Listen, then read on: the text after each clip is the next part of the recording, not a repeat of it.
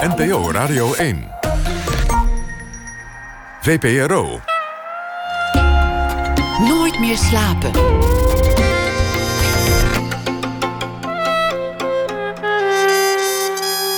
Met Pieter van der Wielen. Goedenacht en welkom bij Nooit meer slapen. U hoort het op het radionieuws. Mistbanken deze nacht. Pas op als je niet in je bedje ligt. Komt wel goed uit. We gaan het hebben over scherpte en onscherpte. De wereld, maar dan zonder de mensen. In het werk van mijn gast van vannacht kun je heel lang zoeken. Je zult steden aantreffen, gebouwen, wijken, locaties. Locaties die eigenlijk helemaal geen locaties zijn, non-locaties. Maar nergens zul je ook maar een ziel bekennen. Niet dat Frank van der Salm een uh, mensenhater is, dat valt allemaal reuze mee. Of dat hij vindt dat alle mensen om gezondheidsredenen liever in hun flatje moeten blijven. Nee, het werk gaat juist bij uitstek over de mensen. Het gaat over leven, het gaat over samenleven. In Rotterdam, in het Nederlands Fotomuseum, is een overzichtstentoonstelling te zien van 25 jaar van zijn werk. De titel is Nowhere, maar het had ook best Everywhere kunnen heten. Want de foto's zijn genomen in alle hoeken van de wereld. Waar, het maakt niet uit. Want de plekken, de steden hadden echt overal kunnen zijn. Nergens zie je de Golden Gate of de Eiffeltoren. Deze plekken zijn volkomen inwisselbaar. Een flatgebouw, een parkeerterrein, tolpoortjes. Ongezellig? Wellicht. Maar uit het werk van Frank van der Zalm spreekt ook juist een grote emotionaliteit. Het is gevoelig werk. Ooit wilde hij schilder worden, maar de verf liep steeds uit. Het werden vlekken. Toen dacht hij: nee, dit wordt niks. Daarvoor had hij ook een andere ambitie. Hij dacht dat hij misschien landmeter zou kunnen worden. Landmeter. Nooit geweten dat dat iemands droom kon zijn. Misschien als je hem nu ergens ziet staan met zijn statief, dat het toch wel een beetje op een landmeter lijkt. Frank van der Salm, geboren 1964. Welkom. Wat leuk dat je te gast wil zijn. Ja, dankjewel. Welkom. Ik ben er graag. Is, is dat waar trouwens, dat je ooit landmeter wilde worden? Nou, ja, dat is. het is al een tijd terug, maar het is inderdaad. Ja, geodesie was dan de, de, de naam van de studie aan de TU Delft. En landmeter was een van de belangrijkste vakken. Wat is En, eh, geodesie? Geodesie, nou, het is. Ja, je zou het kunnen zien als eh, plaats, plaatsbepaling op aarde. aan de hand van landmeting. Cartografie is een onderdeel, landmeten. eh, fotogrammetrie. ehm, je kon metingen doen met, eh, eh, op de, satellieten en de verandering van eh, de aarde aan de hand van verschillen van eh, de schollen die schrijven, die, die, hoe noem je die, die platen, tektonische platen die eh, verschuiven. Maar ehm, Dus eigenlijk de vraag, waar ben ik in, in al zijn waar ben ik? Ja, facetten? ja, zeker. Ja, ja. En in het eerste jaar was echt, was echt te gek. Maar het werd al heel snel steeds technischer en steeds meer computers. En recht werd een groot onderdeel daarvan. En dat was niet helemaal mijn ding. Dus na een paar jaar ben ik daarmee gestopt. En toen eh, wist ik dat ik iets anders wilde. Waar kwam die ambitie eigenlijk vandaan? Dat, want als er iets mij fascineert in het bestaan, dan, dan is het dat iemand iets in zijn hoofd krijgt. Bijvoorbeeld, jongetje loopt door de metro, iemand speelt heel erg vals Bessame Mucho op een saxofoon. Jongetje blijft staan en denkt: Dit wordt mijn toekomst, ik word saxofonist. Ja. Terwijl duizenden anderen die dag er voorbij lopen, of misschien zelfs denken: hou alsjeblieft op.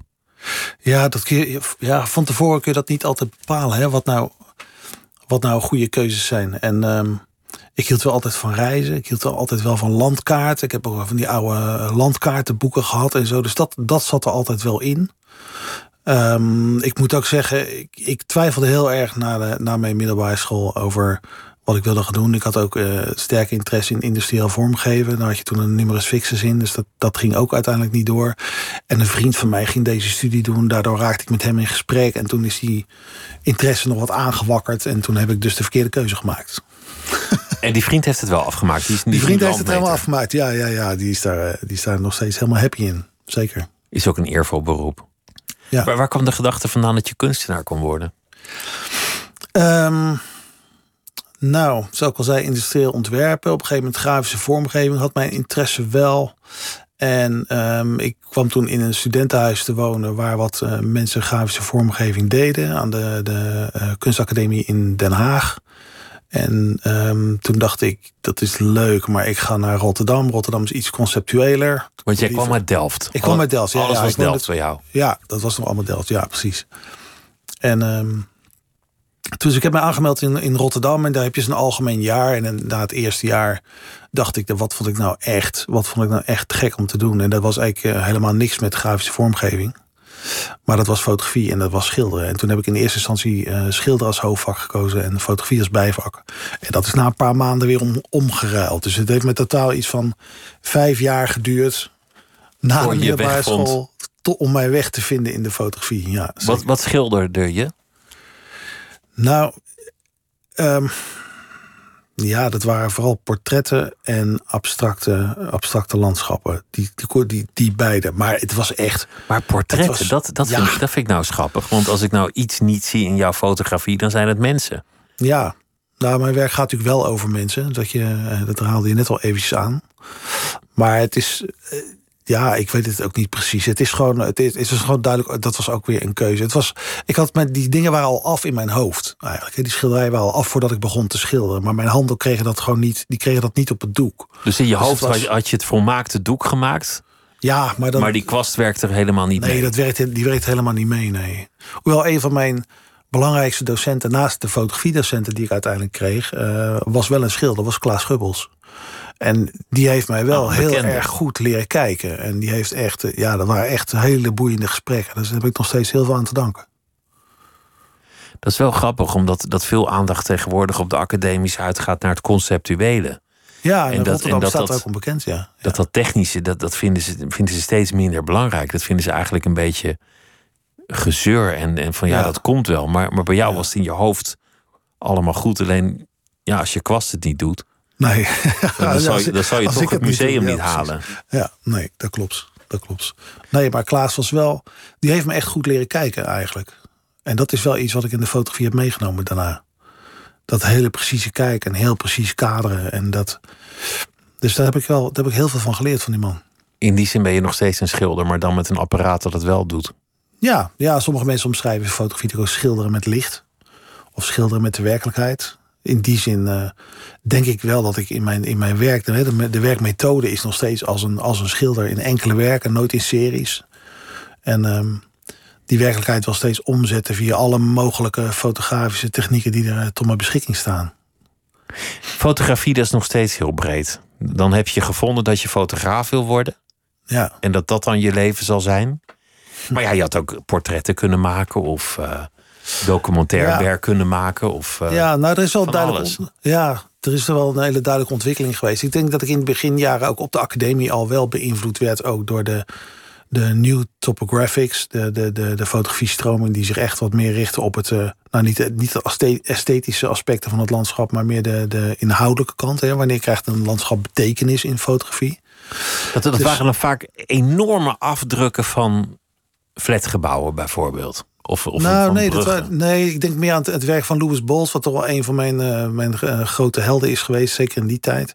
Dat waren helemaal niet van die grote prints. Die maakte ook gewoon eh, printjes op A4-formaat. Eh, maar die richtte zijn camera op, op vuilnisbelten of op wastelands en op achtergebleven gebied waar eigenlijk geen, geen traditionele schoonheid in te ontdekken was, zeg maar. Maar die wel betekenis hadden en ook een vorm van landschap waren. Dat was een grote, grote verandering in de documentaire fotografie. Daar werd ik behoorlijk door beïnvloed in het begin. Dus mijn, mijn eerste werk na de academie was ook gericht eigenlijk op de menselijke invloed op het landschap. En in de loop der jaren is er steeds meer architectuur en, eh, en stedenbouw bijgekomen. Maar dat is waar jouw werk over gaat. Over de mens gezien in het landschap. Dus je ziet niet de mens zelf, maar je ziet wel zijn gedragingen Ja, ja. aan het landschap. Ja, ik denk ook, het gaat meer over de mens als soort. Hè? Wie zijn wij en, en hoe gaan wij met onze omgeving om? En ik denk dat we dat duidelijker kunnen zien aan wat we bouwen en wat we achterlaten en wat, wat langer staat dan aan eh, een, een handeling of een gebeurtenis die maar heel tijdelijk is, of een, of een, of een, of een individu eh, die in beeld verschijnt. Dus ik denk juist de, de bigger picture, zeg maar, dat vind ik, dat vind ik het interessante eigenlijk aan die, aan die steden. Z- Zeker nu door eh, globalisering die eh, grote metropolen steeds meer op elkaar gaan lijken. Dat is, dat is een van de meest fascinerende dingen aan jouw foto's. Je ziet een stad met hoge gebouwen. Ja, En je denkt, ja, het kan, kan echt overal zijn. ja, Azië, Zuid-Amerika, Noord-Amerika, Europa. ja. En toch is dat Dit kan overal zijn. toch is dat onze nieuwe, dat is onze nieuwe habitat aan het worden. Hè? Als je bedenkt dat rond 2050 meer dan 70% van de wereldbevolking in steden woont. Die, die urban jungle, dat is, dat, dat is de nieuwe natuur, bij wijze van spreken. We moeten ons daar, ja, we moeten ons verhouden tot die, tot die nieuwe omgeving. En ehm, de, ja, onder, onder invloed van die globalisering zie je dus dat steden die uit de grond gestampt worden in, uh, in Azië bijvoorbeeld, of uh, in het, uh, in het Midden-Oosten, dat die soms veel meer op elkaar lijken dan dat ze te maken hebben met de dorpjes die daar vlakbij liggen. En dat vind ik een fascinerende, fascinerende ontwikkeling. Het is niet per definitie een, een positieve of een negatieve ontwikkeling. Maar ik vind het wel fascinerend, zeker de schaal waarop dat gebeurt. Maar jij bent niet een, een protestfotograaf. Die heb je natuurlijk ook. Mensen die iets fotograferen om aan de wereld te laten zien. Kijk nou hoe verrot het in elkaar zit. Ja, Doe er wat is- aan. Ja, dat is zo. Maar we Dat zitten, pamfletistische, dat, dat tref ik toch niet echt aan bij jou. Nee, niet, niet in eerste instantie, nee. nee. Er zit natuurlijk wel een soort kritiek in verborgen, zou je kunnen zeggen. Maar wat ik als beeldmaker eh, met die digitalisering en, de- en de, de. Je zou kunnen zeggen dat ehm, video en fotografie een steeds belangrijkere rol zijn gaan spelen in de identiteit van die steden. Als je dus met de digitalisering en internet en de sociale media zie je dat beelden steeds belangrijker worden in hoe wij naar, naar, naar de wereld kijken. Je kunt je voorstellen dat architectuur eh, is gebouwd voor gebruikers, voor bewoners, voor mensen die daar werken. Maar uiteindelijk kunnen dat toch een relatief beperkt aantal mensen dat, dat gebouw daadwerkelijk gebruiken. Er, meer, er zijn veel meer mensen die dat gebouw zien via sociale media.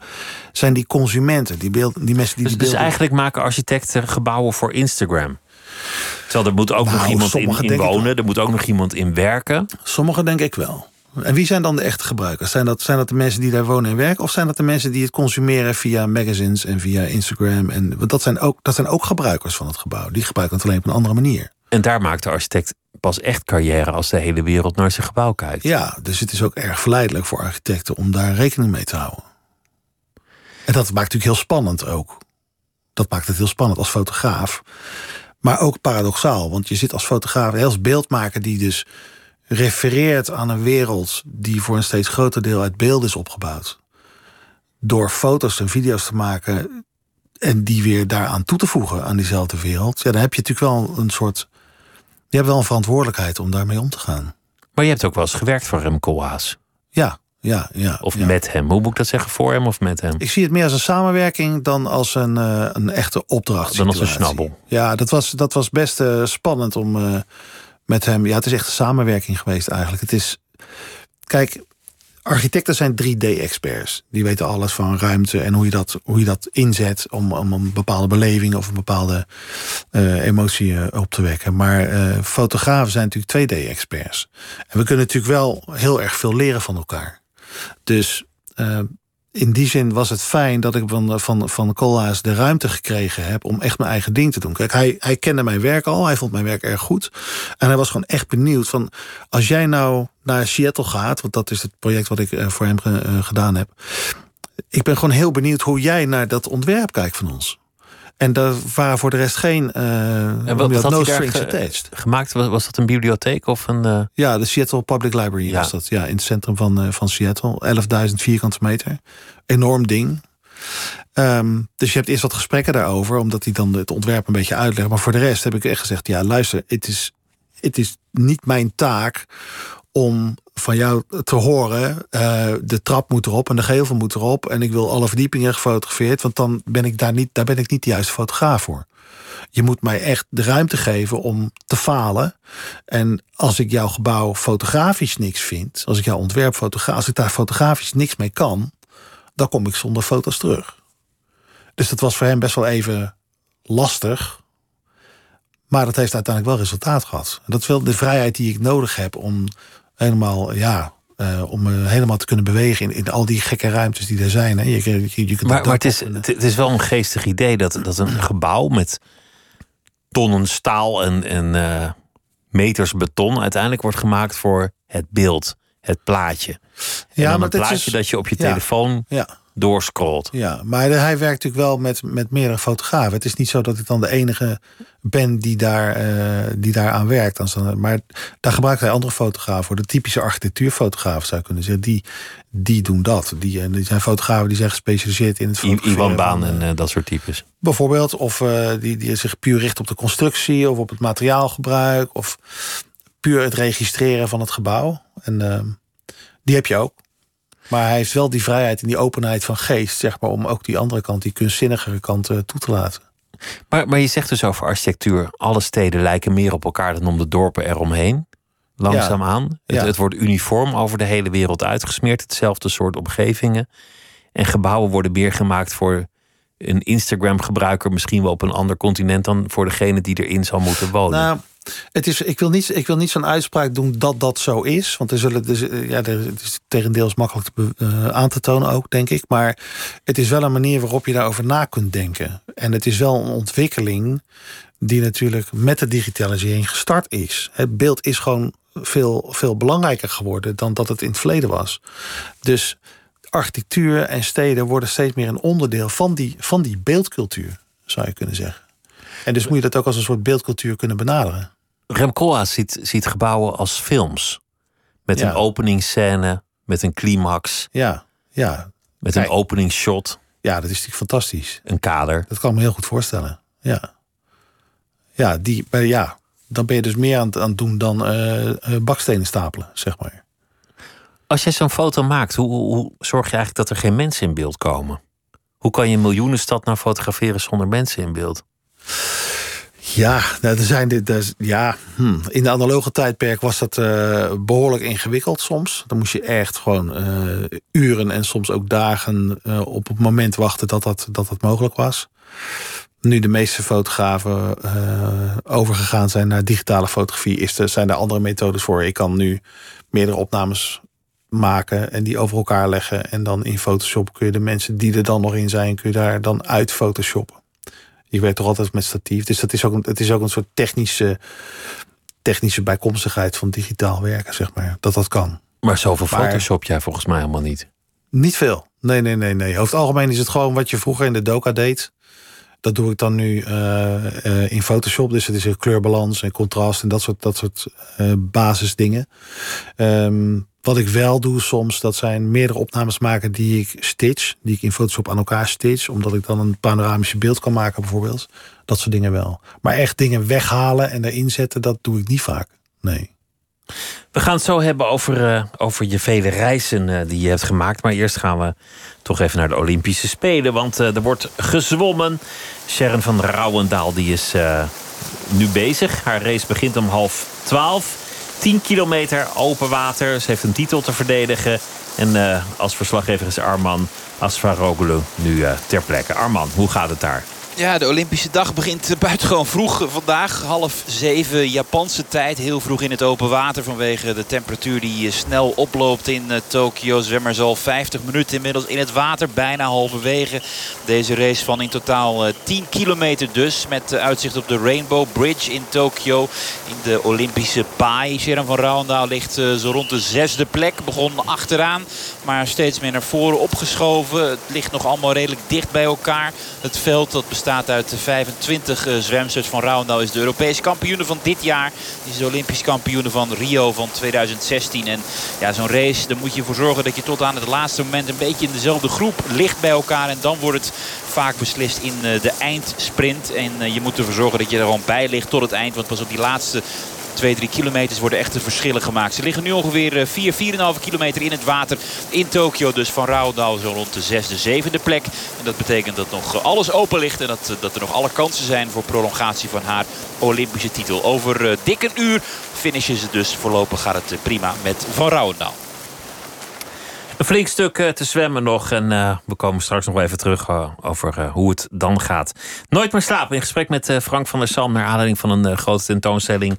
In het Nationaal Fotomuseum in Rotterdam.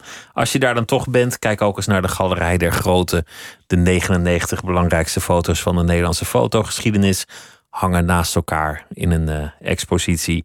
En er is nog meer te bekijken. Ook prachtige foto's van China in de jaren 30 in hetzelfde museum. Je, je hebt ervoor gekozen niet om, om gewoon een spijker in de muur te jassen en, en je foto netjes afgedrukt Nee, op te hangen. nee, nee. Terwijl dat toch gewoon het traditionele concept van een fototentoonstelling is. Ja, daar hebben we natuurlijk wel even overwogen. Dat is natuurlijk wel. Dat is wat je doet, toch? Ja. Dat is, ja, dat is een beetje. Dus, ja, precies. Maar dan, wat, wat ga je dan doen? Hè? Als, je, als je een oeuvre van 25 jaar gaat tentoonstellen, dan, ja, dan worden het toch objecten aan de muur waarbij je vooral terugkijkt in het verleden.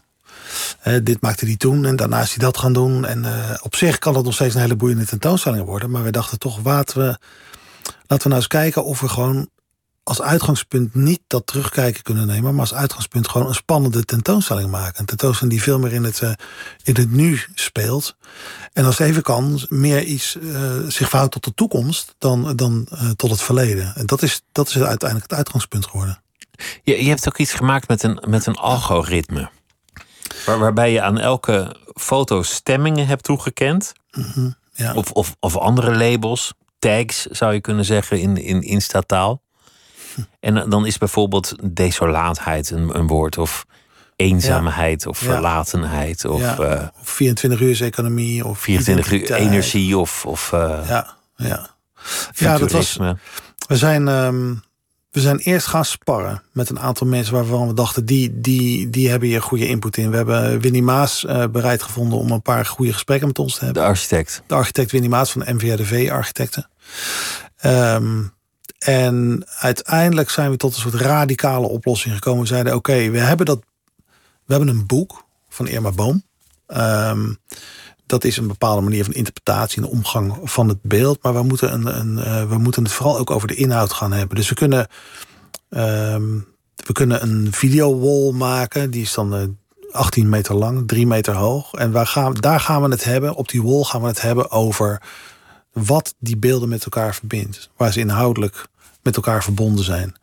En ehm, de co-producent van deze tentoonstelling, Paradox, en eh, de architect die daar ook bij betrokken was, eh, Thiago Rosado, die hebben ons in contact gebracht toen met twee mensen die werkzaam waren op de Universiteit van Amsterdam.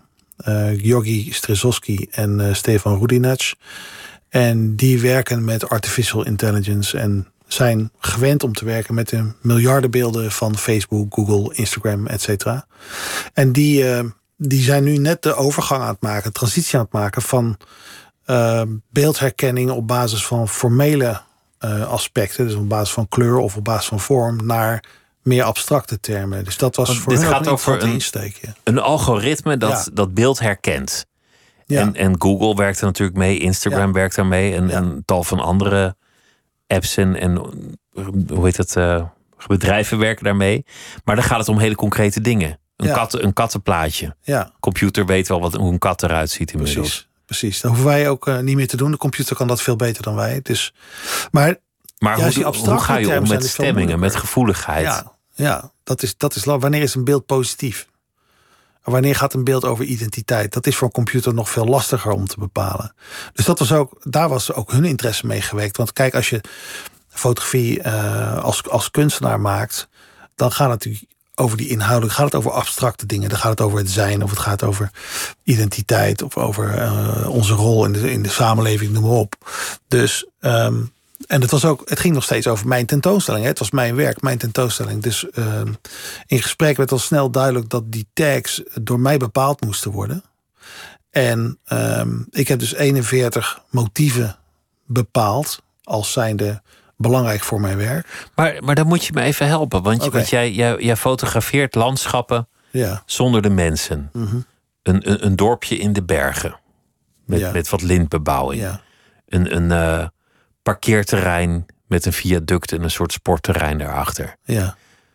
Hoe ken jij daar dan stemmingen aan, aan toe? Hoe kan je dan zeggen, dit is, dit is optimistisch? Nou, dit, dit is melancholiek. Ja, dat is.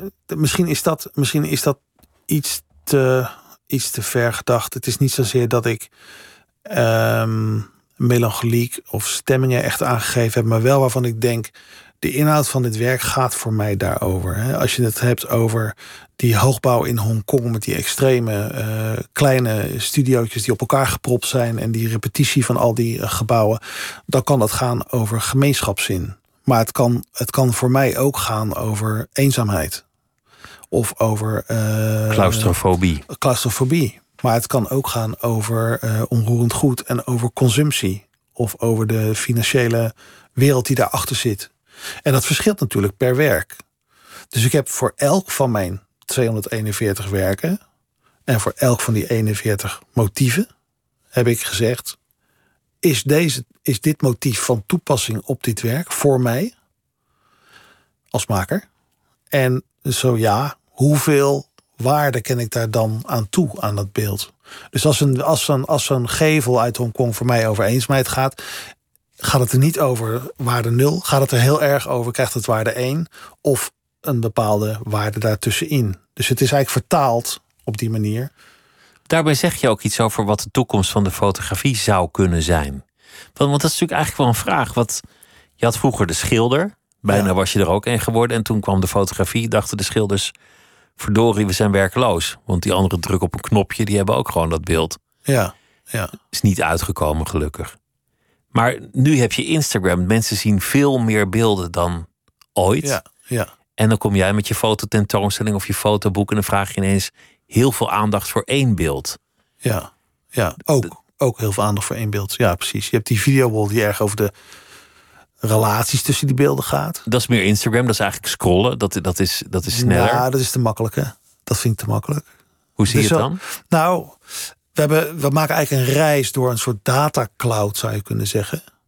Ehm, en ehm, want als je, ik moet even een klein, klein stapje terug. Als je die, die 241 werken getagd hebt op basis van 41 motieven, dan krijg je een data cloud. Maar dat is niks visueels. Dat is natuurlijk gewoon computertaal. Dus wij hebben toen een bedrijf benaderd, eh, Render uit Den Haag, die daarin gespecialiseerd zijn, die visualisatie van data. En we hebben een, eh, een composer benaderd, Henry Vega, om daar geluid bij te ontwerpen. Want wij wilden dat visualiseren. Het was een presentatie over fotografie. Het moest nog steeds over mijn werk gaan.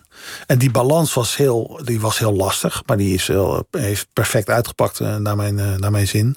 Omdat we maken nu als het ware een reis door die datacloud van de ene motief naar het andere motief.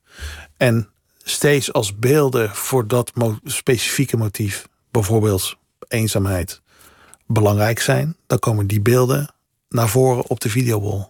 En zo reizen we door die hele cloud heen totdat we al de tekst gehad hebben. Als, als we teruggaan naar de architectuur. Wat Rem Koolhaas beoogt oogt met zijn gebouwen. Dat het een film is. Ja, Met een spannende openingsscène. Mhm. Met, een, met een climax.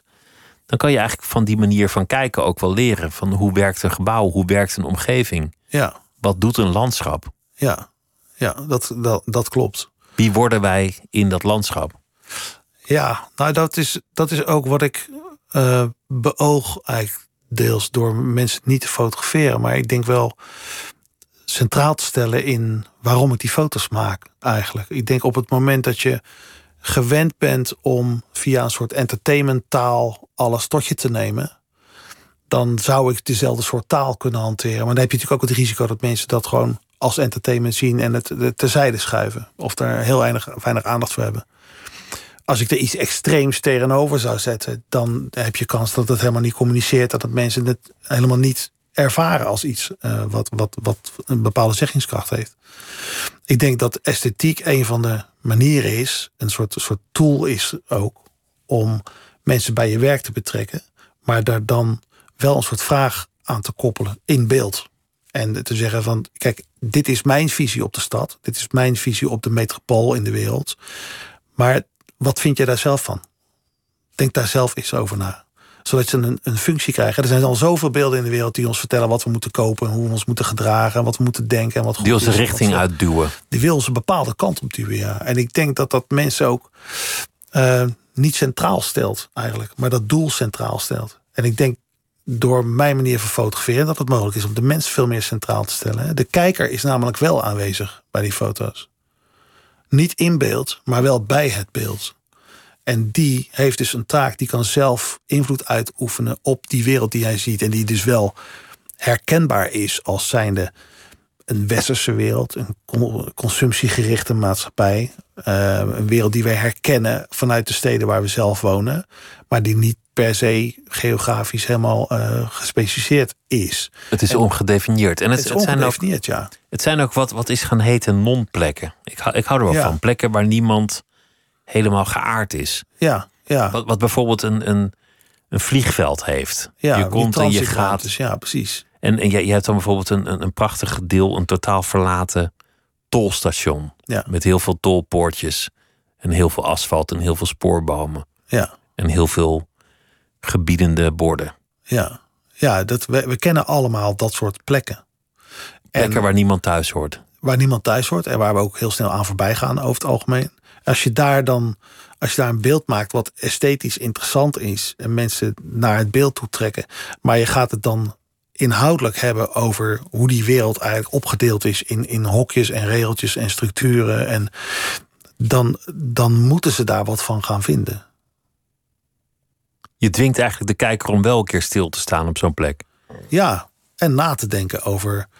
Ik weet, is dit, is dit Nederland? Is dit uh, Shanghai? Is dit China? Is dit gewoon, is dit de wereld die we maken met z'n allen? Is dit waar we naartoe willen? Het is niet per definitie negatief, maar het is wel. Het, het, het geeft wel de ordening van de wereld weer. Het, het, deed mij soms aan een mierenhoop denken.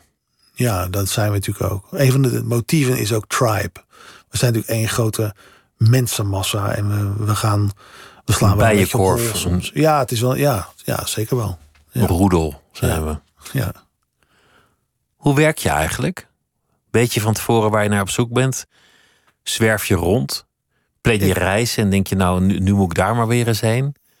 Nou, ja, dat Kijk is op dat Instagram. Is dan denk je een periode dat... geweest dat ik echt dacht, ik moet nu, ik wil nu echt al die, die grote metropolen, die wil ik één voor één af. En ik wil eens gewoon kijken hoe dat er allemaal uitziet daar.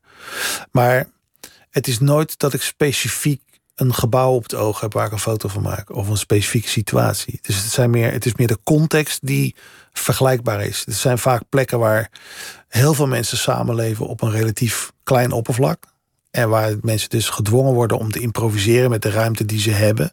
Waar ruimtes vaak, uh, zeker publieke ruimtes, vaak multifunctioneel zijn op verschillende momenten van de dag.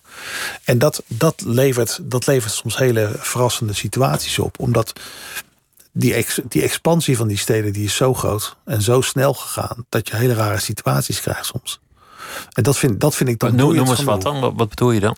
Nou, ik ben in, in Seoul bijvoorbeeld geweest bij, bij het uh, voormalige Olympisch Stadion. En dat, daar heb ik dan een video gemaakt in dit geval, die ook op de uh, tentoonstelling uh, te zien is. Daar ben ik van half zes middags tot half twaalf s'avonds geweest. Je ziet het van dag helemaal overgaan in de nachtsituatie. En gedurende die opnames zie je de, de functie van zo'n gebied helemaal veranderen. Er was een, er was een kartbaan en, en op Ja. een zeker punt zie je mensen dan met, met zo'n karretje racen. Ja, En dan ineens houdt dat op en gaan ze ombouwen en dan wordt het een drive-in bioscoop. ja twee drive-in bioscopen zelfs, naast elkaar. En dan zie je ook de volledige film. Dus je ziet het van titels tot en met de hele film en de aftiteling. Die kun je ook volgen in mijn video. En al die tijd blijven die bussen op, op het parkeerterrein gewoon staan. Ja, daar vinden weer andere scènes plaats. Dus die scènes gaan ook door elkaar lopen. Tussen, tussen de films die je ziet en de, de scènes die voor in beeld eh, zijn. Ja, dat vind ik echt super spannend. Je, je, je had het erover dat je gefascineerd raakte door de, de topografische fotografie Ja, als ja. student. Ja. Dus, dus bijvoorbeeld zei je van nou ja, een stukje berm of een, of een vuilnishoop. Ja, dat, soort foto's heb ik ook gemaakt, ja. Hoe, hoe begon het? Wat was de eerste keer dat je dacht, dit ga ik ook eens proberen? En- wat deed je toen? En waar ik ben was toen dat? naar, eh, naar Benidorm gegaan. En ehm, dat was... Ik ben daar ooit als klein jongetje met mijn ouders ooit op vakantie geweest. In die Transavia vluchten met zo'n met zo'n trap op waar die nog afloopt en zo. En dat was wel fascinerend toen al. Jaren Was het een 70. leuke herinnering? Nou, vooral omdat het vakantie was, was het heel erg leuk. En ik had toen niet, niet, nog niet zo'n oog voor de, voor de architectuur. Maar daar, daar is ook een enorme expansie. Het is eigenlijk een, een on-Europese plek geworden. En dat vond, ik, dat vond ik wel fascinerend. Om eens te kijken hoe ze daar dan... Het is eigenlijk een stad die bijna niet bestaat. Het is eigenlijk alleen maar hotelkamers. Ik geloof dat ze daar 200.000 hotelkamers hebben. En dat de plaatselijke bevolking iets van, van, van 20.000 is of zo. Dus die, die balans is helemaal weg. En dat heeft natuurlijk een extreme invloed op hoe het, hoe het er daaruit ziet. Ook op verschillende momenten van het jaar. Als daar in de winter komt, staat de helft leeg. En ja, er wordt, alles wordt daar eh, ingezet op consumptie en overdachten en eh vakantievirus. En Dat was een van de eerste plekken waar ik naartoe ben gegaan. Toen heb ik echt die rafelranden van, van, van de stad opgezocht. Dus daar waar de, de, de grond al wordt uh, geëgaliseerd voor de volgende hotels. Daar waar de vuilnisbelten uh, ontstaan. Dat mensen hun consumptiegoederen allemaal dumpen. En, en waar, waar, ja, waar wordt paard gereden door iemand die een plaatselijk bedrijfje opzet en zo. Dat, was, dat vond ik super spannend. Dat was echt gek. Dus dan kwam je daar als, als student met je camera en een statief? Ja. ja, en dan maar het is toch, Het is er warm en sjouwen en zeulen. Ja, en dan ben ik er drie weken ongeveer. En, en hoeveel plekken fotografeer je dan? Poeh. Nou, in die tijd was dat vaker dan nu. Maar eh, misschien twintig plekken. Alles bij elkaar in drie weken. Dus het is eh, ja, de eerste periode, de eerste week, de eerste tien dagen... neem ik vaak mijn camera niet eens mee. Dan ben ik alleen maar aan het, aan, aan het lopen... aan het eh, ja, locatie scouten, zeg maar. En dan komt het er overdag en dan kom daar s'avonds ga ik er nog een keer terug, omdat die situatie dan toch weer anders is.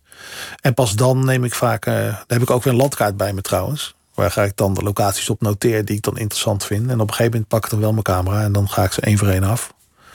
Helemaal met een timer van wanneer ik daar moet zijn, welk moment van de dag. Ik liep door je tentoonstelling en ik vroeg me bij een aantal foto's af, maar, maar waar staat hij dan? Of waar sta ik eigenlijk?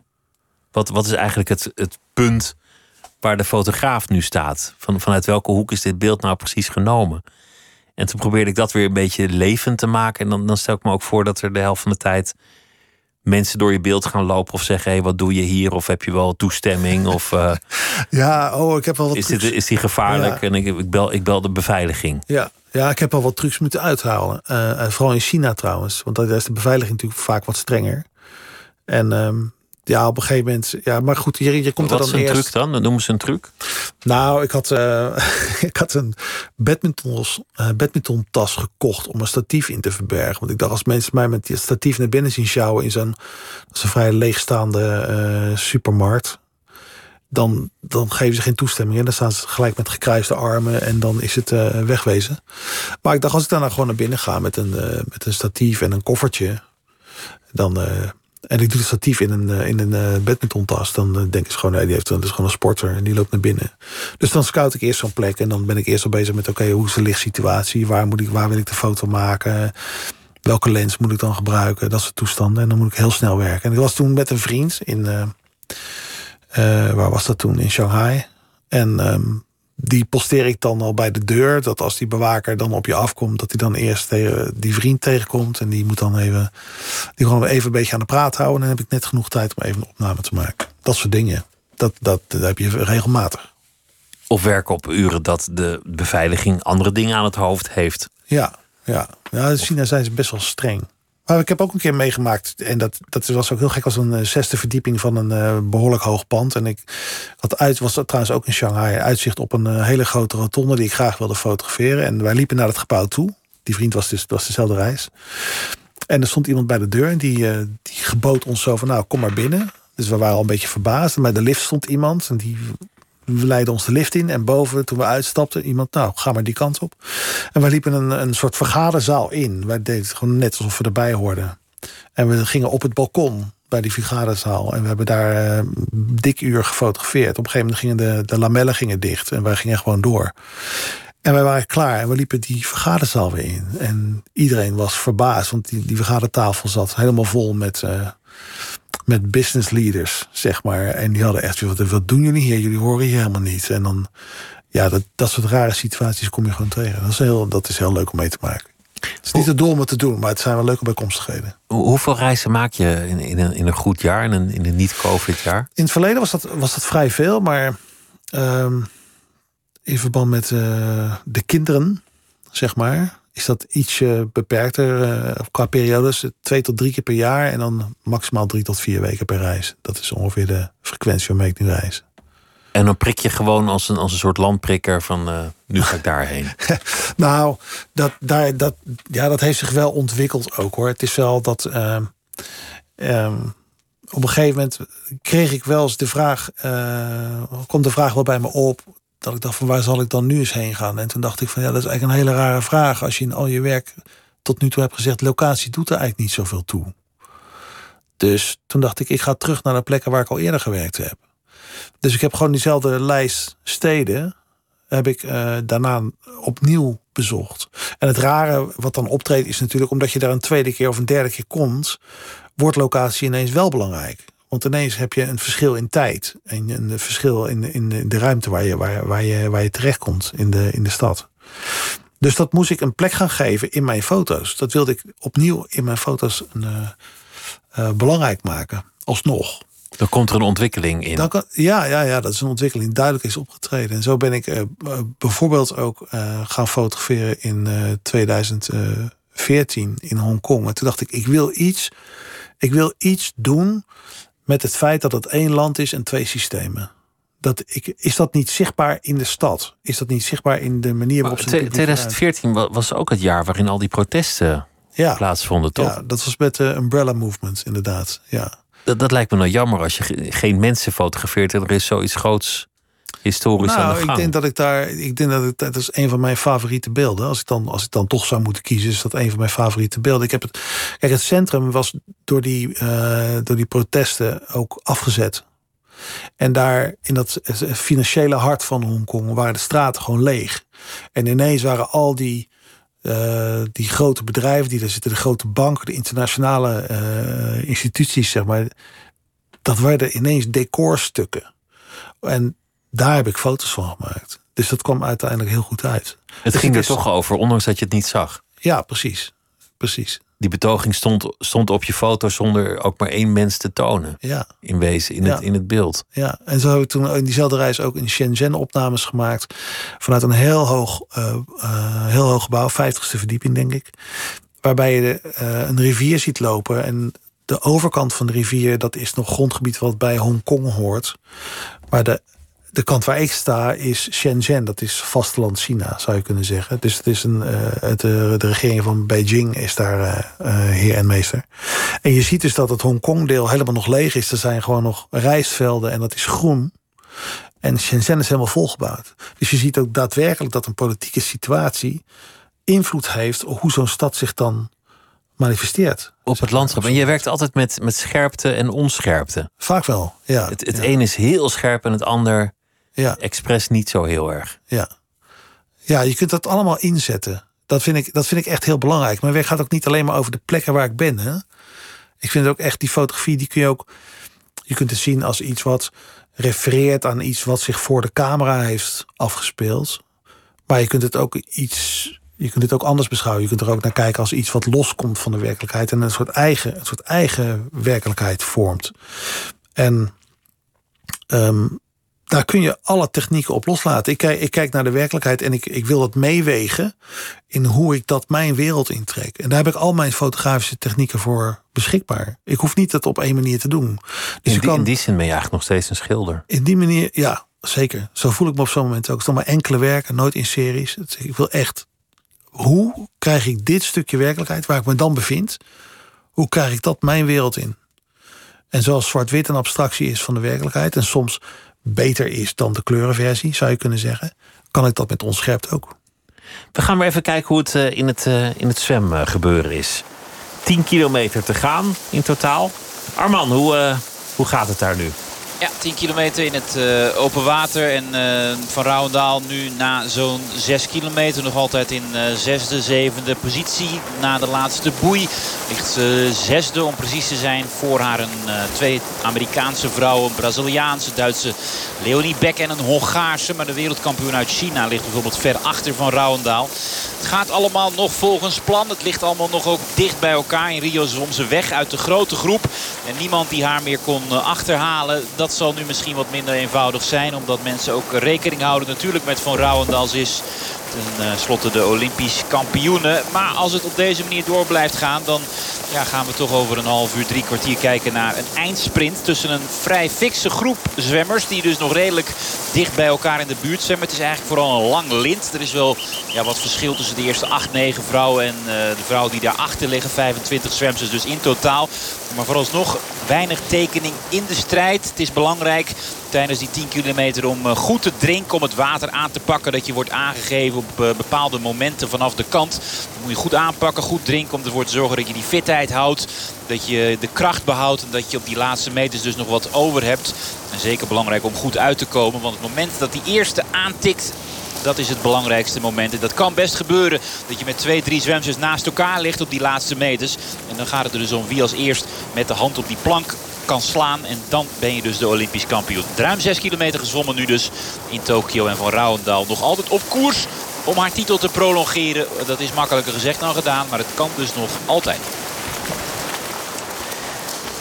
Straks eh, meer op deze zender over uh, de zwemwedstrijd op de Olympische Spelen. Frank van der Salm is uh, mijn gast in Nooit meer slapen. Nowhere Imagining the Global City is het boek. En er is ook een tentoonstelling in Rotterdam te zien van plekken die hij fotografeerde. We begonnen met de vraag hoe het mogelijk is dat iemand er ooit van gedroomd heeft om landmeter te worden. en, en je wist het eigenlijk nog best wel interessant te vertellen plaatsbepaling gaat het over. De vraag waar ben ik? Welke technieken kan je gebruiken om precies aan te duiden wat de plek is waar je op dat moment staat? Staat niet zo heel ver van wat je later bent gaan doen. Via dat kwam je bij ontwerpen, industrieel vormgeven, toch maar schilderen. Schilderen bleek moeilijk, want in je hoofd was het al een perfect portret. Maar de kwast en de verf wilden niet meewerken. Gelukkig was daar een machine, het fototoestel. En zo werd je fotograaf raakte gefascineerd door de topografische fotografie. Wat is eigenlijk een plek, een landschap? En wat zegt het over de mensen die er zijn geweest? Hoe kan je de mensen tonen via het landschap dat ze achterlaten? En uh, via de architectuur zijn we terechtgekomen in steden. Overal ter wereld lijken ze op elkaar. En er wordt steeds meer gebouwd voor het beeld. Voor Instagram zou je kunnen zeggen. We hebben het ook gehad over wat is eigenlijk de toekomst van de fotograaf. Hoe kan je beelden toevoegen aan die eindeloze stroom van beelden die we toch al zien? Hoe kan je mensen dwingen om na te denken? Je zei ook veel beeld is gemaakt om ons te manipuleren. En jij wil bij uitstek niet manipuleren, maar juist mensen het beeld teruggeven. Dat ze open kunnen kijken, zelf nadenken over die wereld. En je groeide op in Delft. Tegenwoordig woon je in Rotterdam. Ja. Ooit had je de droom om, om elk jaar in een andere stad te wonen, zo'n beetje. Ja, dat klopt. Wat was daar eigenlijk mee gebeurd? Ja, ik dacht eigenlijk, ja, dat is ook wel iets.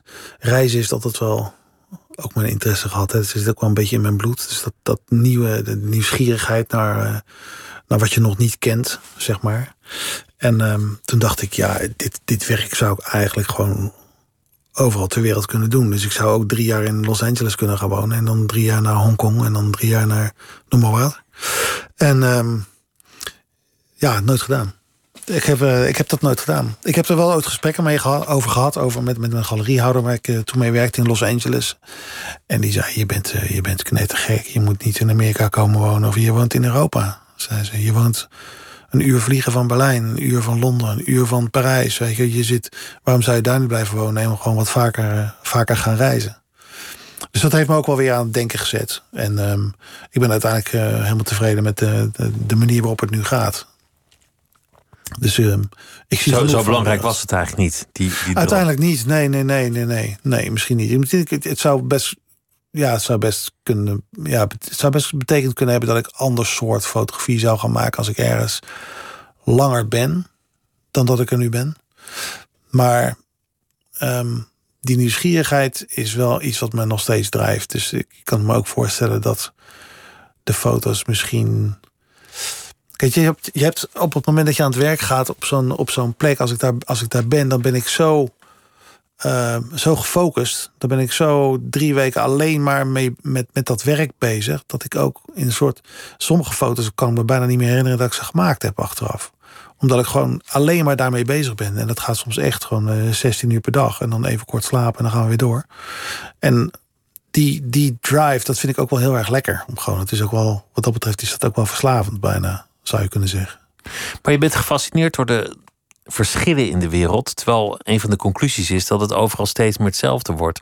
Dan hebben we het gehad over landschap, maar het geldt natuurlijk voor alles. Kleding wordt steeds meer hetzelfde over de hele wereld. Ja. We eten allemaal ja, globaal hetzelfde gefrituurde voedsel. In alle hoeken van de wereld met een paar lokale accenten. Ja. De muziek die gaat wereldwijd allemaal door dezelfde autotune. Ja. Alles wordt steeds eenvormiger. En steden lijken meer op elkaar dan op het platteland. Was, ja. was een van je bevindingen. Ja, ja. Maar waarin vind je dan die verschillen nog? Goeie vraag. Ik denk dat, uh, ik denk dat de verschillen vooral zijn in de, de extremiteit ervan. De extreme vormen die, het, die, de, die de ontwikkeling aannemen. En dat heb je, dan heb je het in, in Azië is dat ongelooflijk gewoon hoe, hoe snel die ontwikkelingen gaan. En hoe, uh, hoe ruksigloos er ook uh, uh, wordt omgesprongen met, met de publieke ruimte. Als, als het de overheid niet zint, dan, dan word, je, word je gewoon opzij geschoven voor een snelweg. En dan, dat gaat heel snel, dat gaat 24 uur per dag. Er zijn geen arbeiders, arbeidsvoorwaarden, er zijn geen vakbonden, noem maar op. Dus ze kunnen dat ook heel snel. Maar dat betekent dat het landschap ook extreem snel verandert. Als je, ik was in 2006 in Shanghai en toen waren er, als ik het goed heb, twee of drie metrolijnen. En dan komen een paar jaar daarna en er zijn er zeven. En die zijn er allemaal met 30 stations. En ze zijn allemaal zo groot als het Centraal Station hier in uh, Amsterdam. Dus dat heeft zo'n invloed op hoe zo'n stad eruit ziet. Dat je elke keer als je daar bent toch wel weer grote verschillen ziet. Dat, en dat vind ik wel spannend. Dat heb je toch in Nederland. Op, dat is, gaat allemaal gelijkmatiger. Er is allemaal meer geregeld en zo. Dus de snelheid, die is, die is de snelheid, anders. De snelheid van verandering is gewoon veel, veel groter, ja. Hoe zie je eigenlijk dat individu dat zo ontbreekt in jouw werk? De, de losse mieren in, in die grote mierenhoop. Hoe ik die zie, hoe bedoel, hoe bedoel je dat precies? Het bedoel... Nou ja, dat, ik krijg af en toe zo'n gevoel van vervreemding en, en eenzaamheid als ik zo kijk naar al die, al die, hoe gaan we eigenlijk met elkaar om? Weet je, dat, dat, dat je allemaal in, in hokjes, in flats onder en naast elkaar wordt geplaatst. Ja. In, een, in een grote, kale omgeving. Ja. Ja. We, ja, dit, is, is toch eigenlijk een soort bio-industrie eigenlijk? ja, nou ja, goed. Als ik jij daardoor over, uh, daar aan het uh, nadenken kan krijgen, dan, uh, dan, dan zou ik dat wel prettig vinden. Ja, ik denk wel dat ik weet het niet of die mensen die daar echt wonen, of die dat nou allemaal zo onplezierig vinden hoor. Het is wel natuurlijk, wij kijken natuurlijk ook, dat is wel besef wat je ook wel moet hebben volgens mij, als je toch als buitenstaander in zo'n omgeving komt. Dat, de, dat is onze manier van kijken en, uh, en, en, onze opvoeding over wat normaal is of wat prettig is. En um, dat is niet, komt niet altijd overeen met hoe andere mensen daar naar kijken. Dus het blijft natuurlijk altijd wel die westerse blik op dat soort ontwikkelingen. Mijn, mijn westerse blik op dat soort ontwikkelingen. Nou ja, hier in het Westen hebben we ook, ook heel veel portiekflats waar, waar mensen vast heel gelukkig zijn. Ja, en daar is niks mis mee dan. Dat klopt. Als mensen daar gelukkig zijn, is het prima, toch? Maar je maakt toch deel uit van de mierenhoop. En dat, dat is iets wat ik me ook. We, we hebben het woord COVID gelukkig helemaal niet laten vallen. Maar wat ik me sindsdien ook wel steeds meer realiseer. Ja. Dat je, dat je maakt deel uit van, van het globale wiskundige model van de samenleving. Ja, maar ik denk dat verandering op, op het individuele niveau. Um, is dat, dat is dan wel te realiseren. Maar ik denk als je als, als samenleving wil veranderen, heb je best wel veel, dan heb je best wel veel, uh, veel krachten voor nodig, denk ik. Ik bedoel, in het begin van COVID we het toch even erover hebben. Zeiden mensen, nou, we moeten nu niet meer terug naar het, naar het, naar het oude normaal. Hè. We moeten anders met dieren omgaan, anders met onze leefomgeving. Andere dingen worden belangrijk. Maar ik denk als je dat nu zou vragen, dat veel mensen die zijn het nu zo zat, dat ze denken van laten we eerst maar eens teruggaan naar het oude normaal. En dan kijken we daarna wel weer verder. Ik wil gewoon mijn oude leven terug. Dus ik denk ook dat we, we zijn ook wel geneigd om vast te houden aan wat we hebben, denk ik, en aan wat we kennen. En hoe meer stress je hebt, hoe meer je daartoe geneigd zult zijn om om te kijken. Ja, ja en, en vast te klampen aan hoe het was. Ja, ja.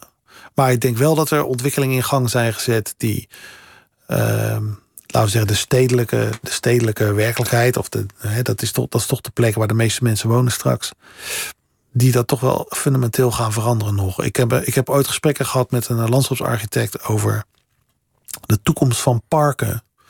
En um, uiteraard was die landschapsarchitect eh, van mening dat die altijd belangrijk zullen blijven. Uh, met je handen in de aarde en uh, de natuur en de geur. En dan eventjes weg uit de stress van de stad.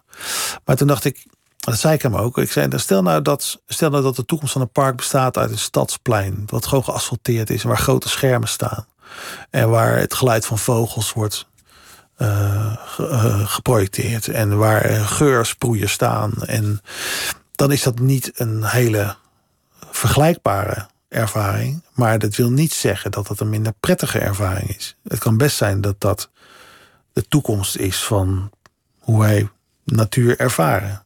Het is natuurlijk hoe dan ook zo dat. Je hebt gewoon kunststranden. Met, met, met nou, bijvoorbeeld, dat is eigenlijk een, stap. Een kunstbranding en een kunstzon. Ja, en toch is het prettig daar. Er zijn steeds meer mensen die, uh, kunstgras aanleggen op hun balkonnetje. Tuurlijk weten die mensen dat kunstgras namaak is en dat het plastic is. En dat het, maar toch heeft het een prettigere ervaring dan alleen maar stoeptegels of een. Uh, dus dat, ja, en dat is niet iets wat ik per definitie uh, uh, afwijs. Ideeën laten ook littekens na in het landschap. Ja. De gedachte dat alles beter wordt, leidt tot leegstaande bedrijventerreinen.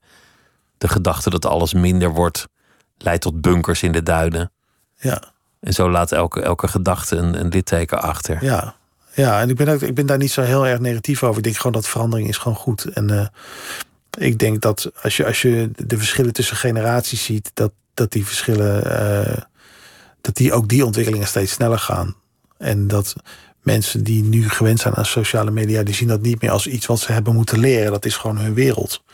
En als zij straks op een groot plein staan en ze ervaren dat als een prettige vorm van park, dan is dat, uh, dan is dat prima. Hoe kijk, je, hoe kijk je naar 25 jaar van je werk? Een kwart eeuw. Nou, dat was in die videowall is dat wel, dat is wel fascinerend. Want ik heb die beelden natuurlijk vorig jaar pas getagd. Ik heb die motieven vorig jaar pas toegekend. Dus dat is ruim 20 jaar na dato in sommige gevallen. Dus er blijft hoe dan ook, blijft het een hedendaagse blik op mijn werk wat ik ruim 20 jaar geleden gemaakt heb. Dus het zou best kunnen zijn dat als ik dat over tien jaar nog een keer doe, dat die tags weer heel anders uitpakken. En in die zin is het ook wel iets wat continu uh, veranderen kan.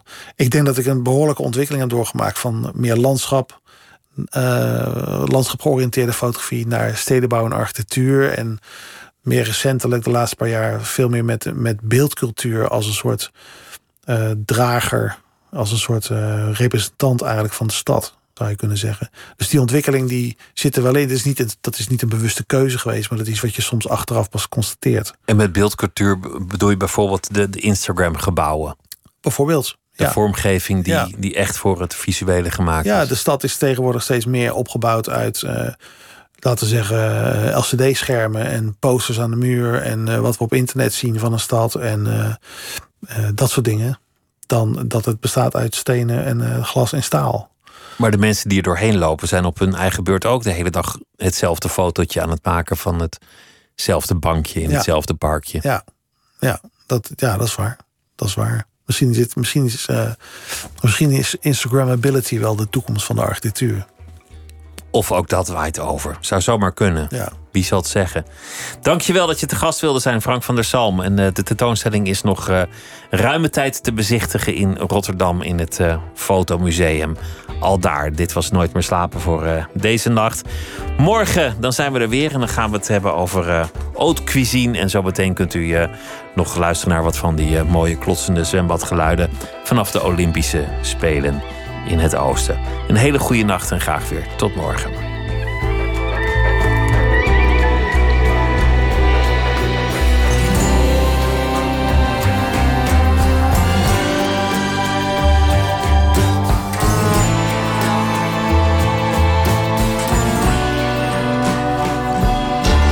Op Radio 1. Het nieuws van alle kanten.